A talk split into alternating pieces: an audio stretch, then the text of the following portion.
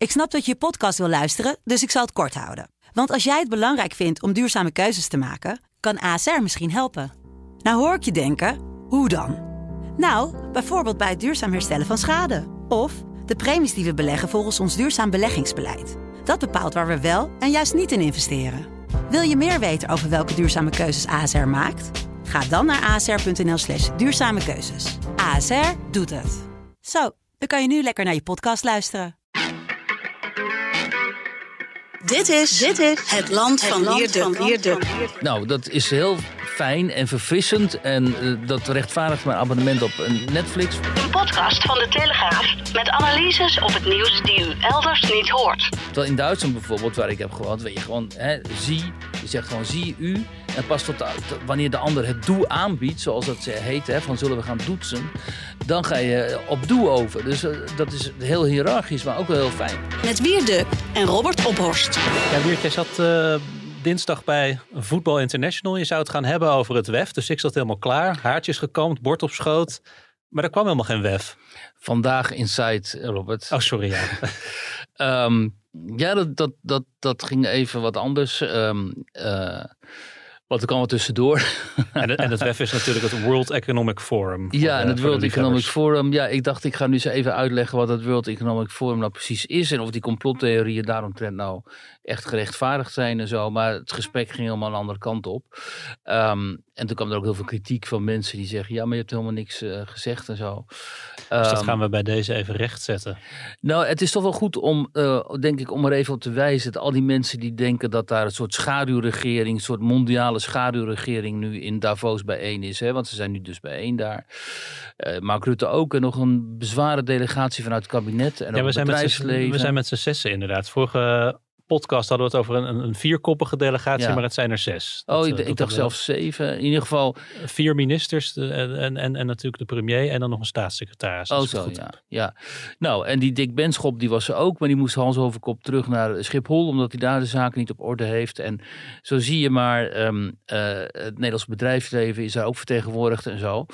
Dus um, dat zijn inderdaad top uh, zware delegaties die Nederland dan daar naartoe stuurt. Ik, ik las zelfs dat Nederland van de Europese landen uh, een van de grootste delegaties daar heeft. Um, kijk, en er ontstaan bij heel veel mensen de gedachte dat daar echt eigenlijk de echte beleidskeuzes worden gemaakt en beleidsbeslissingen worden genomen, um, die dan altijd te maken hebben met um, de agenda van zeg maar de progressieve hoogopgeleiden. Hè? Die willen dat we meer aan klimaat doen, die willen meer duurzaamheid, die willen open grenzen voor arbeidsmigratie en ook uh, nog meer uh, plekken voor vluchtelingen. die zijn uh, erg pro-LGBTQ, de agenda en ook erg voor de transagenda. En uh, al die progressief-liberale, zeg maar, um, uh, dogma's zijn het inmiddels geworden.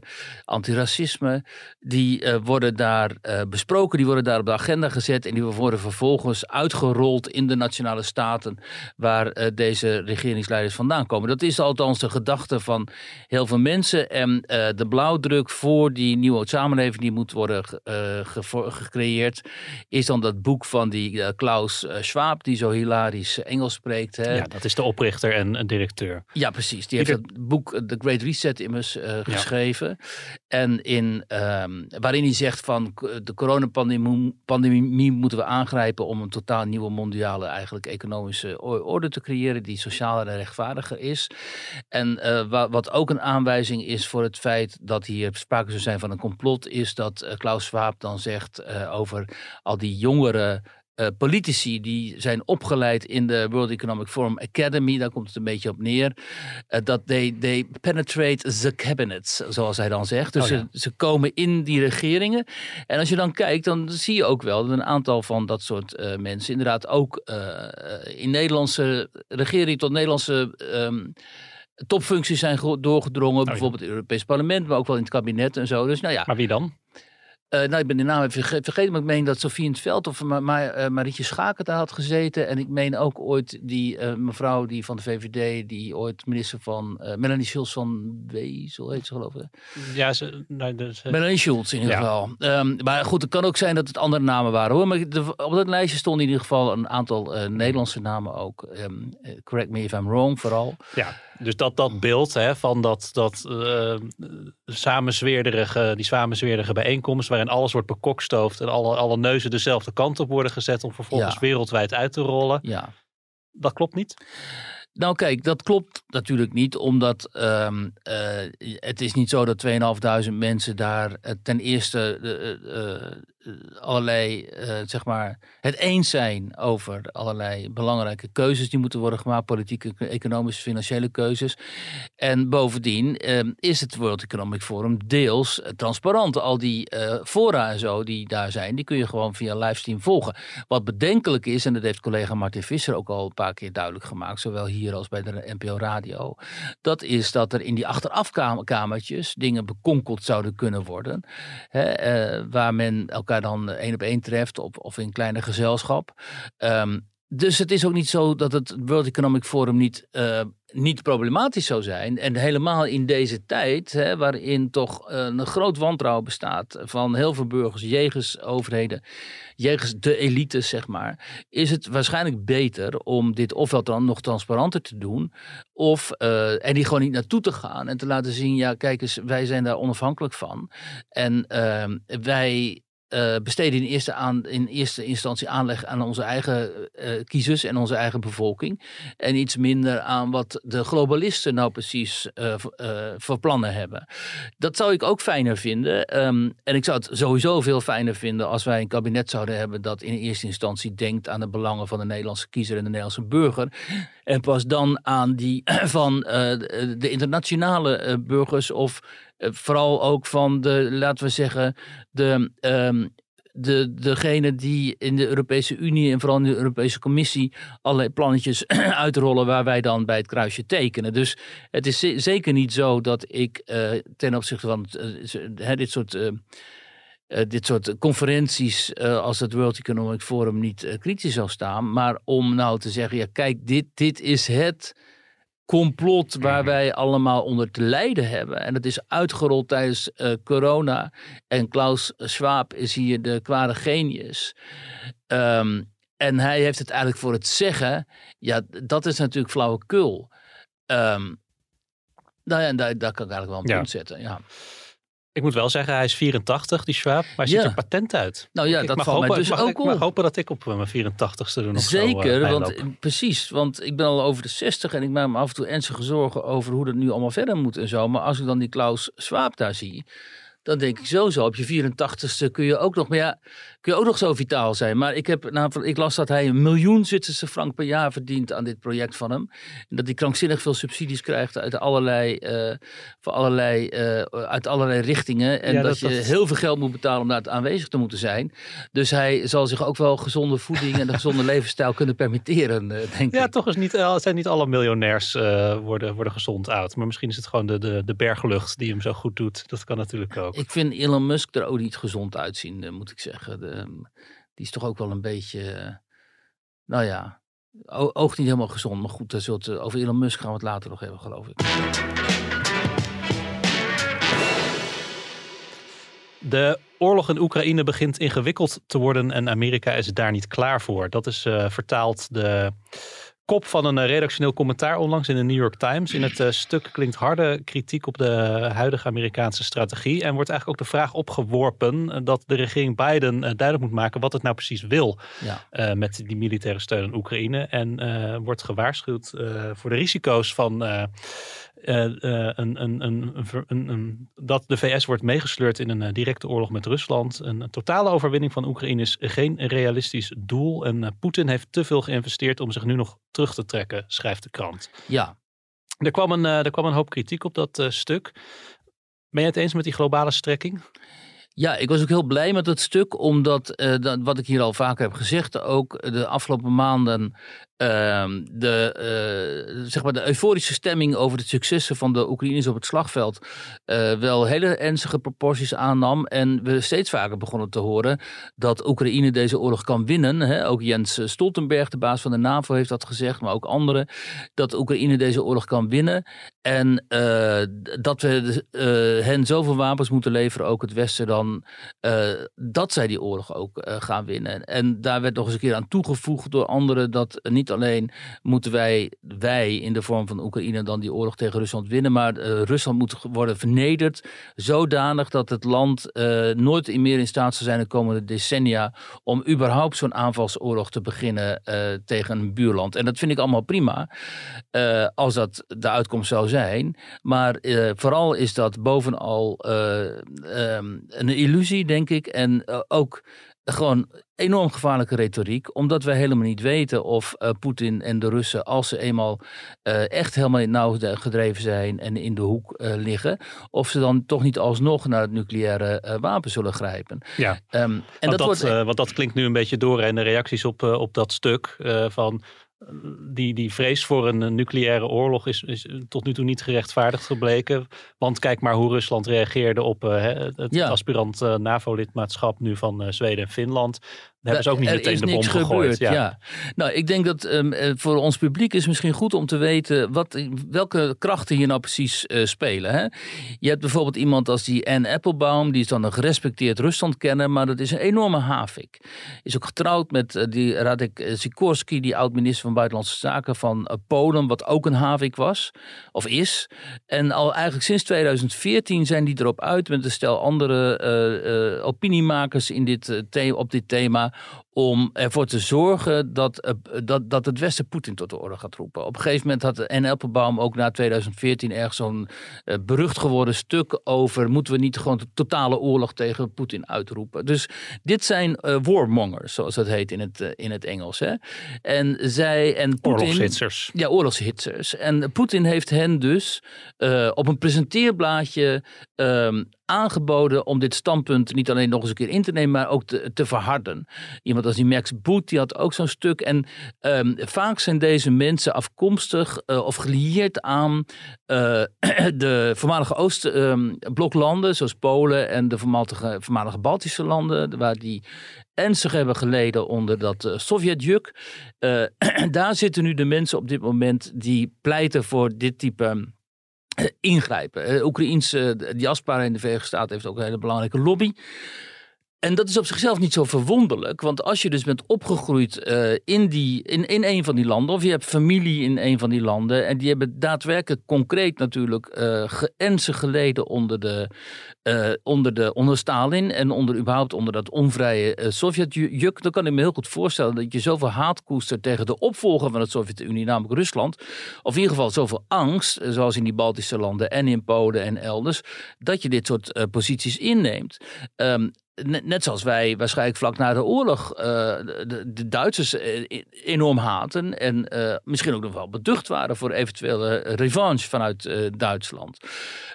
maar die context moet je dus altijd in ogenschouw nemen. En als er dan um, en deze mensen, die worden ook vanuit de Oekraïne gemobiliseerd. Want toen de New York Times dus dat editorial dat commentaar had over ja, hoe nu verder. En we moeten niet uh, uh, alleen maar op één paard werden, namelijk een overwinning op het slagveld. Maar we moeten ook ervoor zorgen dat er op een of andere manier ooit op een bepaald moment gewoon onderhandeld gaat worden. En misschien moet uh, Zelensky wel territoriale ook concessies doen aan Rusland. En nou, dat is natuurlijk gewoon de Krim of een deel van het Donbass afstaan. Um, uh, toen dit geplaatst werd, dat stuk in de New York Times, was enorm veel ophef daar in uh, Kiev. Um, en toen schreef ook zijn voormalige minister van Defensie een, een tegenstuk eigenlijk. Waarin staat van, uh, jullie begrijpen helemaal niks van ons. Jullie begrijpen niks van de context hier. Jullie begrijpen niks van Poetin en van Rusland. En alleen de Amerikaanse en Britse minister van Defensie begrijpen er iets van. En, um, de, en, en de westerse en de NAVO, de westerse militairen. Maar de, zeg maar, de burgeropiniemakers en de burgercommentatoren, die, die begrijpen tot, helemaal niet dat wij deze oorlog gaan winnen. Want dat zegt hij gewoon letterlijk. Hè. Wij gaan deze oorlog Ja. winnen. En we gaan niet opgeven. En jullie kunnen zeggen wat je wilt. Maar wij gaan gewoon Roes- eh, Poetin klop geven. Hij zegt ook, er is nu een window of opportunity. Eh, eh, we hebben nu de mogelijkheid, Rusland is nu op, op, zijn, op misschien wel zijn zwakste, Ja. eh, beleeft zijn zwakste moment in, de in de recente geschiedenis. En dat, dat- die mogelijkheid moeten we nu benutten. Ja, maar dat is onvoorstelbaar. Hè? Want kijk, als je dat scenario dan uitrolt, dan krijg je dus een, een, Russische nederlaag op het slagveld. Dus misschien worden ze wel, de Russen wel, dankzij die westerse wapens ook dan gewoon eh, echt eh, helemaal Oekraïne uitgegooid. En Oekraïne herovert eh, de Donbass en de Krim. Daar wonen dan heel veel mensen ook in die Donbass en in die Krim die de Oekraïners weer haten. Want het is helemaal niet zo dat op de Krim allemaal zielige Oekraïners wonen die graag bij Kiev willen horen. Een heel groot deel van die bevolking kiest voor Rusland. In de Donbass wonen allemaal Russisch-taligen die bij Rusland willen horen, niet bij Oekraïne. Dus dan moet je die mensen gaan onderdrukken. Ehm, daar zullen ongetwijfeld dan eh guerrilla-activiteiten ontstaan tegen de Oekraïense eh, machthebbers. Je hebt dan eh, eh, Rusland vernederd en misschien wel ervoor gezorgd dat Poetin moet aftreden. Omdat zo'n grote nederlaag en zo'n vernedering, dat wordt daar niet geaccepteerd. Dan komt misschien iemand als die Patrushev aan het bewind, die veel erger nog is dan Rusland. Of, of weet ik veel, iemand die in de coulissen klaar staat, die we nog helemaal niet kennen. Die misschien nog wel veel er- erger is dan, dan, dan Poetin.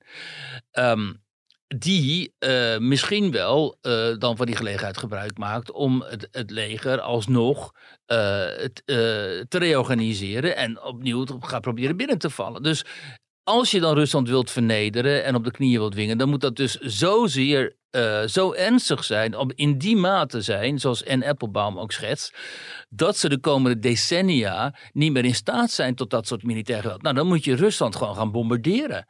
Dan moet je wapenfabrieken gaan bombarderen. Dan moet je die hele eh, machtselite verwijderen eigenlijk. En, en ervoor zorgen dat daar een soort van nieuw eh, bewind aan de, aan, aan de macht komt. Ofwel dat dus zo zwak is dat ze niks meer eh, kunnen. Ofwel een nieuw democratisch bewind dat jij aan jouw kant kunt, naar jouw kant kunt trekken. Ja. Maar dat, is een, dat laatste is sowieso een illusie. Die eh, voormalig minister van Defensie van Oekraïne, die maakt die sowieso wel een pikante vergelijking. Want die zei ook van ja, criticasters, moet je eigenlijk uitleggen dat Rusland wel verslagen kan worden.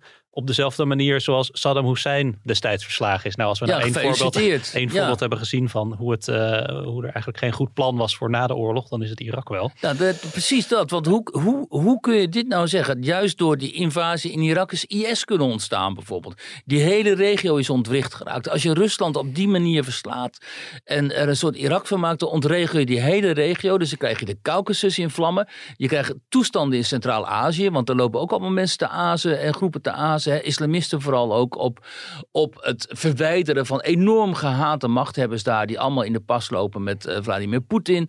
Dus die worden door hun eigen oppositie daar enorm gehaat. Dus je maakt de weg vrij voor totale chaos, militarisering van een complete regio, misschien wel overal burgeroorlog op allerlei plekken, omdat jij zo nodig revanche wilt nemen op de geschiedenis. Want daar komt het uiteindelijk op neer. Hè.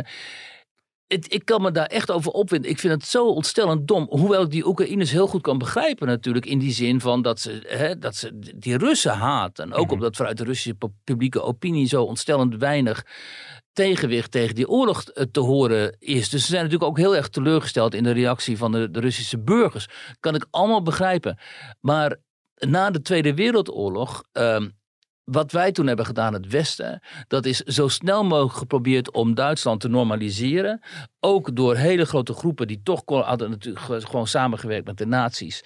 Het niet te vervolgen, ja, hen juist op te nemen in, hè, dat is, eh, dat, is eh, dat hele Duitse ambtelijke apparaat en zo. Er zaten allemaal nazi's in natuurlijk. We hebben eh top-nazi wetenschappers en zo naar Amerika gehaald. Die hebben daar mee, ge- hè, Werner von Braun en zo. Die hebben daar gewoon meegeholpen aan het Amerikaanse rakettenproject en zo. Ja, je zult het op. eh, dat is allemaal heel naar en vervelend. En, eh, en eh, moreel waarschijnlijk ook niet helemaal kosher. Maar dat is de enige manier waarop je het kunt doen. Waarop je zo'n land kunt pacificeren uiteindelijk. Ehm, en het, het alternatief van, de, voor de overwinning is het toch weer gaan praten. Maar daarvan zeggen mensen als Appelboom van ja, waar, waar ga je dan over praten? Poetin heeft duidelijk gemaakt dat hij uit is op de, op de vernietiging van Oekraïne. Ehm, en hij, eh, hij heeft ook duidelijk gemaakt dat hij zich niet zal terugtrekken. Dus waar Plus, Rusland heeft tot nu toe zich aan geen enkel verdrag gehouden en uh, heeft altijd gelogen over zijn intenties uh, voorafgaand aan de invasie. Dus waar ga je dan over praten en in hoeverre kan je de Russen nog vertrouwen? Nou ja, kijk, je moet wel die Russen natuurlijk militair verzwakken. En je moet ze zozeer verzwakken dat ze bereid zijn om te praten. En uh, maar vervolgens moet je ze niet gaan vernederen. Wat gaat de hele tijd om die term humiliation. Hè? Dat, dat, dat schrijven ze ook gewoon op. Je moet um, de Russen een, uh, een ramp heet dat in het Engels geloof ik. Hè? Een, uitweg, een, uitweg, bieden. Ja. Maar is dat, is dat, zijn we dat punt dan niet al voorbij? Is Rusland niet al zozeer vernederd dat Poetin niet meer met goed fatsoen uh, concessies kan doen? Aan de onderhandelingstafel?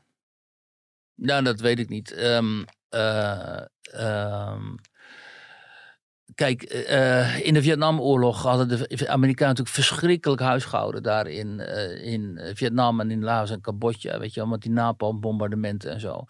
En daar vonden ook permanent toch besprekingen plaats in uh, Parijs. En uiteindelijk hebben die, de, de Noord-Vietnamezen hebben de Amerikanen eruit gegooid. Maar ze zijn wel tot een soort van um, er is wel rond de geopolitiek is er wel een soort van deal gemaakt uiteindelijk. Ehm, en dat moet natuurlijk ook, ook wel.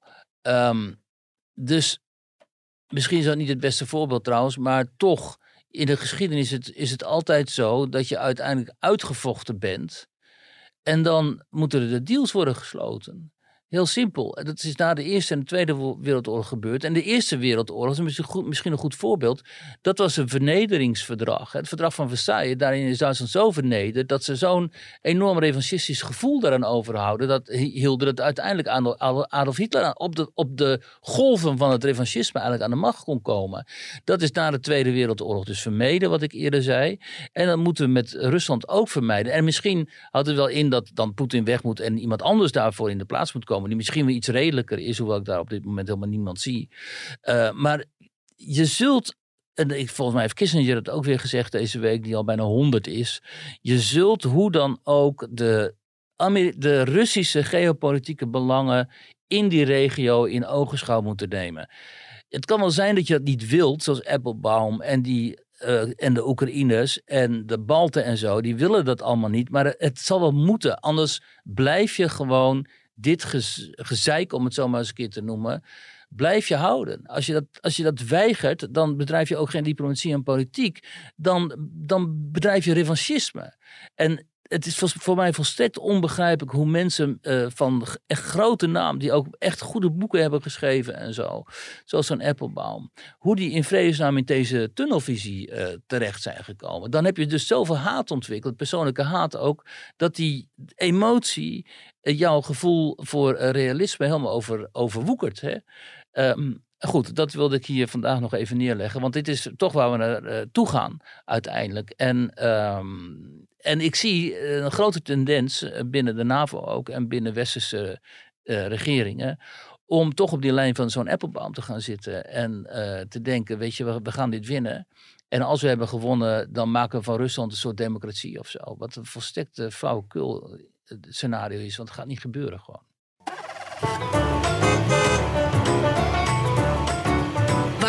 Was Wiert?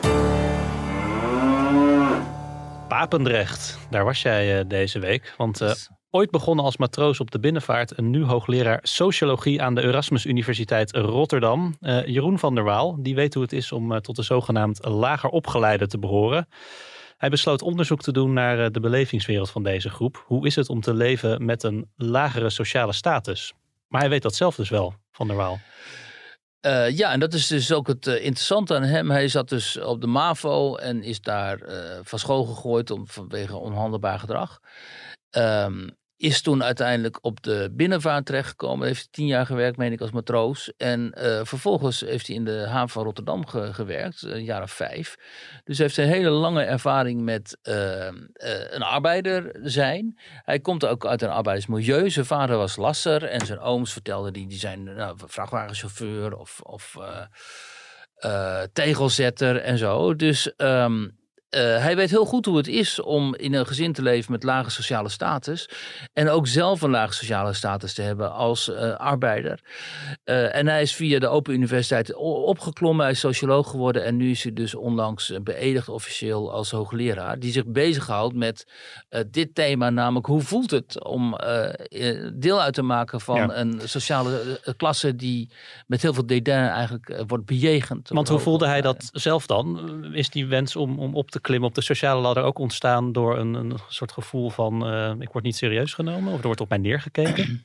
Uh, ja, ook. Hij voelde dat uh, heel sterk ook. En uh, bijvoorbeeld in, in taalgebruik. Hij, zei, hij vertelde ook van als je dan in die haven aan het werk was en er gebeurde iets, dan stond iedereen op elkaar te schelden en te schreeuwen en te vloeken, zodat men wist van ja, dit is heel urgent, dit moet nu, er moet nu iets gebeuren. En toen zei hij, toen kwam ik in het academische milieu terecht. En dan zat ik aan bij vakgroepvergaderingen en zo. En uh, toen viel mij op, toen dacht ik, wat zijn die mensen ongeïnteresseerd? Interesseert ze eigenlijk helemaal niks het werk wat ze doen. Omdat op het moment dat er iets ernstigs gebeurde, zeiden ze van, oh, dit is wel zorgelijk. En pas later begreep hij van die term zorgelijk in de academische wereld, dat is gewoon equivalent voor heel hard met je vuist ja. op tafel slaan als je, als je een havenarbeider bent. En dat soort dingen moest hij zich dus helemaal eigen maken. Dus hij zegt ook, dat staat niet in mijn stuk trouwens hoor, maar hij zegt ook, ja, het soort vorm van dociliteit ten opzichte van hoger opgeleiden en onzekerheid hou je altijd. Hij zegt toen hij begon te studeren, toen durfde ik echt niet bij colleges een vraag te stellen en zo. Terwijl andere jongens die dan uit hoger opgeleide gezinnen kwamen, mm -hmm. of andere jongens en meisjes natuurlijk, sorry, die, uh, ja, die gingen gewoon onbekommerd op zo'n docent af. En die, zeiden, en die stelden vragen en die vroegen van, ja, moet ja. dit wel zus en zo. Maar was dat dan omdat hij zich uh, onzeker. Voelde? Die. Ja, maar misschien omdat hij de sociale codes niet kende of voelde hij zich ook minder waardig? Ten opzichte Ik denk van beide. die- Ik denk omdat je de sociale codes niet kent, Mhm. dat je dan minder waardig voelt. En dit is ook een gevoel wat heel veel allochtone eh, jongeren kennen. Hè, die dan eerste generatie gaan, eh, gaan studeren of hbo gaan doen. Komen vaak uit gastarbeidergezinnen en zo natuurlijk. En die kennen die eh, sociale codes niet. Niet alleen die van de, sociaal op, van de hoger opgeleide, maar ook van de Nederlanders. En die komen dan in dat soort studentenmilieus en zo. En die moeten zich enorm invechten daar. Omdat ze gewoon af en toe echt niet weten hoe ze, wat ze moeten zeggen. Welke terminologie ze moeten gebruiken. Of welke regels daar gelden. Want in Nederland is natuurlijk ook zo dat die sociale codes. dat liggen allemaal heel subtiel. Hè? Veel subtieler dan in andere landen. Hier is precies. Mensen voelen hier precies aan wanneer je kunt zeggen. Wanneer je nog u moet zeggen en zo. En voor buitenstaanders is dat echt krankzinnig ingewikkeld. Terwijl in Duitsland bijvoorbeeld, waar ik heb gewoond. weet je gewoon hè, zie. Je zegt gewoon zie u. En pas tot wanneer de ander het doe aanbiedt. Zoals dat ze heet. Hè, van zullen we gaan doetsen. Dan ga je op doe over. Dus eh, dat is heel hiërarchisch. Maar ook wel heel fijn. Want je weet precies waar je aan toe bent. Terwijl in Nederland zit je altijd te, te, te hakkelen van eh, in welke sociale context gedraag je nou precies op welke manier. En ik kan me voorstellen dat als je dat niet gewend bent, dat het ontzettend ingewikkeld is. Mhm. Ehm, en, maar het interessante aan zijn onderzoek vooral is, en daar stond, was ik wel een beetje verbaasd over, eh, hoe enorm eh, veel wrok er onder lager opgeleide heerst ten opzichte van die hoger opgeleide klasse. En kijk, dat wist ik natuurlijk wel. Je hebt natuurlijk veel over geschreven, veel contact met mensen die dan wat lager opgeleid zijn en zo. En dan weet ik wel van ja, ze kijken eigenlijk met een soort, eh, een soort eh, ver- verbazing naar eh, de boven ons gestelden. Maar eh, hij zei in die gesprekken die zij dan voerden, zijn, vak, zijn, zijn onderzoeksgroep en zo, dat er echt, dat er echt sprake is van ehm haat op iemand als Mark Rutte bijvoorbeeld. Hè, dat die mensen zeggen van die, die Rutte die kijkt naar mij als, alsof ik een worm ben. Hè, die heeft geen enkel respect voor mij. Terwijl Mark Rutte vind ik nou niet bij uitstek iemand te vertegenwoordigen van de elite. Nee, want dat vind ik gewoon, die komt toch benaderbaar over. Precies, hij kan joviaal doen. Hij stroopt die mouwen op. Hij heeft dat appartementje daar in Scheveningen wat niks schijnt voor, te stellen iedereen, en voor zo. iedereen een lachende hand. Voor, precies, maar zij geloven hem dus niet. Ze vertrouwen hem niet. En eh, dat hele joviale gedoe van Rutte en zo in campagnetijd, dat, daar kijken zij dus doorheen. Ze zien in hem bij uitstek dus iemand eh, uit die hoger opgeleide kasten, die hen eigenlijk permanent vernedert. En eh, pas hen ziet staan op het moment dat de campagne moet worden gevoerd en zo. Dan heeft hij ze nodig. Weet je, wel, zo denken ze over hem. Dus het wantrouwen, ja, dat is, dat, dat is enorm. En nou ja, nu moet ik ook wel zeggen, kijk, Uh, hij las iets voor. hij, hij, heeft in zijn inaugurale reden, dat is dan de, de, de reden waarmee hij het um, ambt van hoogleraar accepteert. Hè, die was vorige week. En daarin las hij een stuk voor dat Anil Ramdas, dat was zo'n Hindoestaans-Surinaamse essayist. Um, voor, die, die werkte meen ik, voor de NSC. Hij leeft niet meer. Hij heeft geloof ik een einde aan zijn Ja, hij heeft een einde aan zijn leven, gemaakt. En, um, en die, was, die schreef voor, ik meen de Groene en deed dingen voor de VPRO en zo. Die zat dus helemaal in die links-progressief-liberale hoek. Waar uh, ten aanzien van dit soort mensen wel met een zeker dédain, een zeker dédain speelt. Hè? En die Ramdas die schreef destijds, dat is echt niet te geloven. Van der Waal die citeerde hem letterlijk. Die schreef uh, over lager opgeleide destijds. Uh, het is white trash, het zijn tokkies, het zijn families vlodder met achterlijke ideeën en onbeschofte omgangsvormen. Wat kun je anders zeggen van de meeste telegraaflezers, SBS 6 en RTL-kijkers en PVV-stemmers dan dat ze boers, onbehouden, ruw, plat, vulgair ordinair en ongemanierd zijn. Nou, dat was een uh, enorme... Uh, het is een op, beetje alsof je Hillary Clinton hoort met haar uh, bag of deplorables, nou ja, toch? Die, die sprak het dan niet zo letterlijk uit, maar dat was wel een beetje wat ze bedoelde. Dit is natuurlijk precies wat Hillary meende met haar deplorables en ook wat iemand als Sigrid Kaag uh, natuurlijk eigenlijk beschreef toen ze, hè, naar aanleiding van de verkiezingsoverwinning van Forum voor Democratie, zich afvroeg wie zijn die mensen, weet je wel, nog wel in die documentaire dat ze dat zei tegen die assistent van haar, van wie zijn in godsnaam die mensen. Um, en, en, en die lager opgeleid, die voelen dit natuurlijk. Die weten dat er zo over hen wordt gesproken, dat ze worden uitgelachen, dat ze belachelijk worden gemaakt, dat ze hè, ook in, in televisieprogramma's en zo onderwerp zijn van spot en zo. Um, en ze voelen zich, en dat is eigenlijk misschien wel het belangrijkste punt in Nederland, uh, voelen ze zich niet meer vertegenwoordigd, omdat uh, in Nederland um, is het zo dat je altijd de coalitie uh, moet sluiten. We zijn een coalitieland. Dus in tegenstelling tot de Verenigde Staten, waar deze mensen gewoon op Donald Trump kunnen stemmen en dan een middelvinger kunnen uh, laten zien aan de Democraten. En in ieder geval voor vier jaar de macht hebben en uh, wel kunnen zeggen dat hun belangen worden vertegenwoordigd, is dat in Nederland onmogelijk, omdat PVV en Forum voor Democratie hebben zichzelf buitenspel gezet en zijn ook door anderen buitenspel gezet. En de oude middenpartijen, waar vroeger natuurlijk ook lager opgeleiden wel aanwezig waren, hè, Partij van de Arbeid, de CDA vooral. VVD uh, niet, denk ik. Nee, niet eigenlijk. Maar vooral het CDA en de Partij van de Arbeid. Uh, dat zijn ook partijen voor hoger opgeleiden geworden. Want het aantal hoger opgeleiden in Nederland is zozeer toegenomen. dat al die partijen ook kunnen worden bevolkt door hoger opgeleiden. Want ze hebben die lager opgeleiden helemaal niet meer nodig. Uh, althans, denken ze. Hè? De PvdA is wat dat betreft van een koude kermis thuisgekomen, natuurlijk. En binnen die partijen geldt dan ook dat ze. Uh, zich bezighouden met de thema's van hoger opgeleid. Dat zie je ook, ook het CDA, VVD. En ze zijn allemaal bezig met, uh, met woke, met het klimaat, uh, duurzaamheid, uh, antiracisme, LGBTQ en zo. Toch hoor ik de PvdA ook vaak over ongelijkheid terugdringen. Ja, alleen het grappige is dus, en dat, dat is ook zo interessant aan zijn onderzoek, dit is een cultureel ding. Dus het heeft eigenlijk heel weinig met sociaal-economische ongelijk, ongelijkheid uh, te maken. Um, het is ook niet zo dat deze mensen zich nu, uh, dat ze nu zoveel wrok koesteren omdat ze sociaal-economisch uh, het minder goed hebben.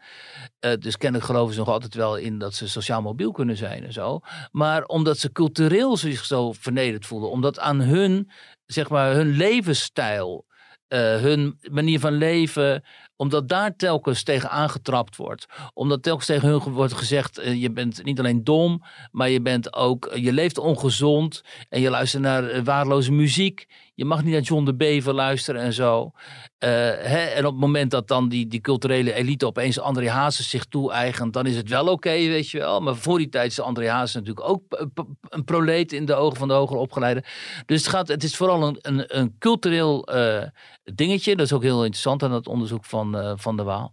En dat is nauwelijks te overbruggen. Dus ehm, zeg maar, lager opgeleiden die heel veel gaan verdienen, want die heb je natuurlijk ook genoeg. Die hebben dan geen of, of een lagere mbo-opleiding of zo. En die worden dan heel rijk. Maar die blijven wel die wrok houden. En ze blijven ook die levensstijl uh, aanhouden, uh, grotendeels. En, uh, ze, en dat wantrouwen ten opzichte van die hogere opgeleiden blijft dan ook bestaan. Weet je, dus dit, is dus echt de primaire kloof in de samenleving. En wat ik toch wel heel ernstig vind, dat is dat en dat hebben we ook wel eens een keer gehad, hè, besproken naar aanleiding van die atlas van de afgehaakten van Cuperus en Josse de Voogd. Uh, dat is dat deze mensen dus inderdaad afhaken, omdat ze in het Nederlandse politieke bestel uh, geen partijen meer zien Mhm. die, uh, die, die, die, vol, die, waarmee ze zich kunnen identificeren en die ook aan, aan machtsvorming kunnen meedoen. Hoe groot is deze groep? Nou, dat is dus best een grote groep. Hij had iets naar een bepaalde. Dan ben ik even vergeten waar dat over ging. maar in ieder geval nou ja, ik ben die percentage kwijt. Dus ik kan even niks over niks Maar dit is een substantiële groep. Ik bedoel, als je kijkt. Naar de, PVV is niet voor niks de tweede partij van het land natuurlijk. Of de derde, maar vaak ook de tweede. En uh, dat mensen die op de PVV stemmen, dat is voor een heel groot deel is dat laag opgeleid Nederland. En dan heb je ook nog eens een keer de SP, die met zijn 9 zetel. Het vreemde is natuurlijk dat de SP deze mensen niet weet te bereiken. Want dit zou hun, zouden hun mensen moeten zijn. En het lukt de SP maar niet om deze mensen voor zich te mobiliseren. Maar dat heeft met die culturele agenda te maken van de SP. Hè, die, die, als ze duidelijker zouden opkomen voor de autochtone Nederlandse arbeider, dan zouden ze waarschijnlijk beter scoren dan nu ze opkomen voor alle, zeg maar. Uh, dus ze zouden daar ook een cultureel uh, moment in, in, in moeten verwerken. Dat proberen ze af en toe, nu met die arbeidsmigratie bijvoorbeeld. Hè, dan zeggen ze ja, als we meer Oost-Europeanen binnenhalen, dan worden onze mensen aan de onderkant die worden verdrongen. En toch slaat het op de een of andere manier uh, niet heel goed aan. Kan ook met de lijsttrekker te maken hebben natuurlijk. Als Jan Marijnissen er nog had gezeten, was het misschien beter gegaan. En vergeet niet, Marijnissen en Roemer, die deden het al in het verleden echt heel goed. Emiel Roemer, die werd ooit gewoon door de media als premier. Ja, totdat hij een keer tijdens een gezien. debat uh, zijn feiten niet op orde had. Dan gaat het heel snel uh, weer naar beneden, inderdaad. Ja. Maar goed, dit blijft een fascinerend thema. En, um, en ook voor de toekomst natuurlijk, omdat we steeds meer toegaan natuurlijk naar een maatschappij waarin die tweedeling heel veel gaat bepalen. En als deze mensen niet uiteindelijk Kijk, ik weet niet of het hier ook al eerder is gezegd, maar als je, als je zeg maar politiek een beetje aan die kant staat, hè, behoudend conservatief, uh, gewoon voor de natiestaten, noem maar op. En dat zijn jouw politieke voorkeuren. En die worden al jarenlang, in ieder geval sinds Mark Rutte aan de macht is, nooit gehonoreerd, maar dan ook echt nooit. Er is dus nooit een, een, een partij aan de macht die zegt: Oké, we gaan nu die grenzen sluiten. We gaan nu uh, geen flauwekul meer met die woke uh, culturele oorlog en zo. Gaan we niet aan meedoen. Nou, een beetje Orban light, zeg maar. Hè? Als je Orban zegt, nou dat mag al niet geloven, maar als je zegt Orban light en dan democratisch. Dus niet een, zeg maar, een man die de democratie ondermijnt zoals Orban, maar gewoon een Orban light dan die is er gewoon niet. Dus deze mensen, die zijn al zo gefrustreerd natuurlijk. Omdat het enige wat ze de godganse dag krijgen te horen vanuit de politiek, de media, ook het bedrijfsleven, de, het onderwijs enzovoort enzovoort, is dat links-progressieve geluid. En dan moet je dus, dan voel je dus als, als, als burger en als kiezer eigenlijk elke dag uh, geschoffeerd. Daar komt het op neer. En dan als je ook nog eens een keer laag opgeleid bent. en je voelt het dédain ook nog vanuit mensen als Sigrid Kaag en zo. ja, dan kan me heel goed voorstellen dat je op een gegeven moment zegt van uh, ik, ik, ik haak af. Weet je wel, ik probeer me hiervan te isoleren. Want ik wil dit niet, ik wil niet de hele dag eigenlijk. Uh, aangevallen worden. Want die mensen voelen zich natuurlijk de hele dag gewoon aangevallen. Daarom zijn ze ook zo woedend steeds op, sorry, op de talkshows. Uh, op de media, op, uh, hè, op dat hele coronabeleid en zo. Want dat raakt hen uh, persoonlijk. En als ik dan bijvoorbeeld bij VI vandaag zit, of vandaag in site, natuurlijk het zelf ook fout. En ik beloof daar iets te zeggen over het World Economic Forum. En zij vinden dat ik niet mag zeggen dat daar ook wel complottheorieën rond het World Economic Forum zich worden. hoe heet dat? Nou ja, daaromheen zweven, zeg maar. Mm -hmm. Dan worden ze ook woedend. Want, want alweer wordt wat zij eigenlijk vinden en, en, en, en, waar, waar, zij bang voor zijn, wordt niet gehonoreerd, snap je? Het ligt allemaal super gevoelig. En, um, en, en de verdienste van zo'n onderzoeksgroep als van uh, Jeroen van der Waal is dat, dat ze dat duidelijk maken zonder daar ook over uh, uh, te oordelen. En ja, dat is natuurlijk heel erg interessant, omdat het ook zo belangrijk is. Is, uh, ja, we nemen dit uh, normaal altijd op op donderdag. Al de dag dat de podcast ook uitkomt. Maar nu nemen we het op op woensdag. Want het is donderdag hemelvaartsdag. Yes. Ga je nog wat doen? Ik ga naar die nieuwe show van eh Ricky Gervais eh, kijken op eh, Netflix. Want eh, René van der Gijp die had het erover dinsdag. en Dat hij dat zo super grappig vond. En dat geloof ik onmiddellijk. Want hij is natuurlijk een van de aller, allergrappigste überhaupt op dit moment. Ricky Gervais of eh, René van der Gijp? Nou, uh, Ricky Gervais in uh, mondiaal gezien dan. Die roasting toen van, uh, van die Oscar, bij die Oscar-uitreiking. Dat was natuurlijk echt uh, briljant. En, um, en die, stand, die nieuwe show van hem, Supernature heet die geloof ik. Die is ook al, heeft ook al voor heel veel ophef gezorgd. Omdat hij natuurlijk weer alles en iedereen beledigt. Hè, bijvoorbeeld over... Um, hij zegt dan over. dat is echt wel grappig.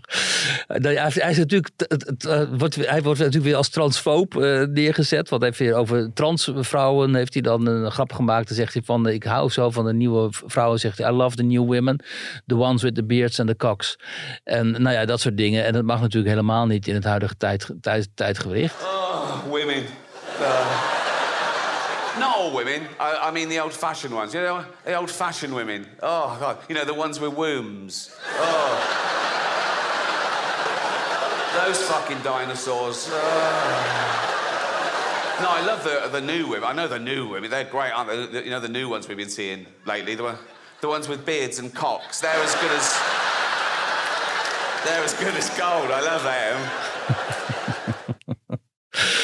Ja, heerlijk. Want het is tegenwoordig ook zo opluchtend als iemand nog gewoon dit soort grappen durft te maken. En dan niet onmiddellijk onder de, onder de uh, wagen wordt gegooid.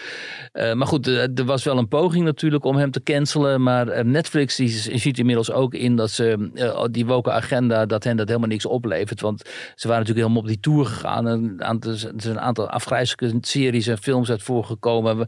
Waarin je altijd allerlei, jou allerlei betuttelende ideologieën worden opgedrongen en zo nou, daar is helemaal geen publiek voor blijkt. En nu heeft Netflix gezegd, oké, okay, um, degene in ons bedrijf die uh, per se uh, die woke agenda willen uitrollen en zo, die verzoeken wij vriendelijk om naar elders onderdak te gaan zoeken. Want wij willen aan iedereen en alle...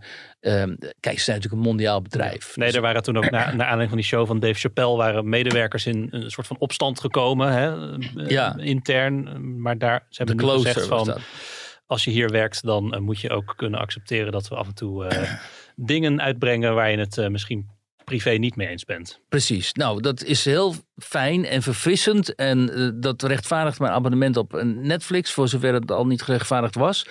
En we hopen dat ze voet bij stuk blijven houden en dat ze niet zullen toegeven aan ongetwijfeld de immense druk die, uh, die uh, nog zal worden uitgevoerd. En toen kwamen we weer uit bij Elon Musk, want die had ook zo'n, die had daar ook over getweet. Hè. Hij had, Elon Musk had ook gezegd dat sinds Netflix, oh ja, de woke mind virus is making Netflix unwatchable, had hij gezegd.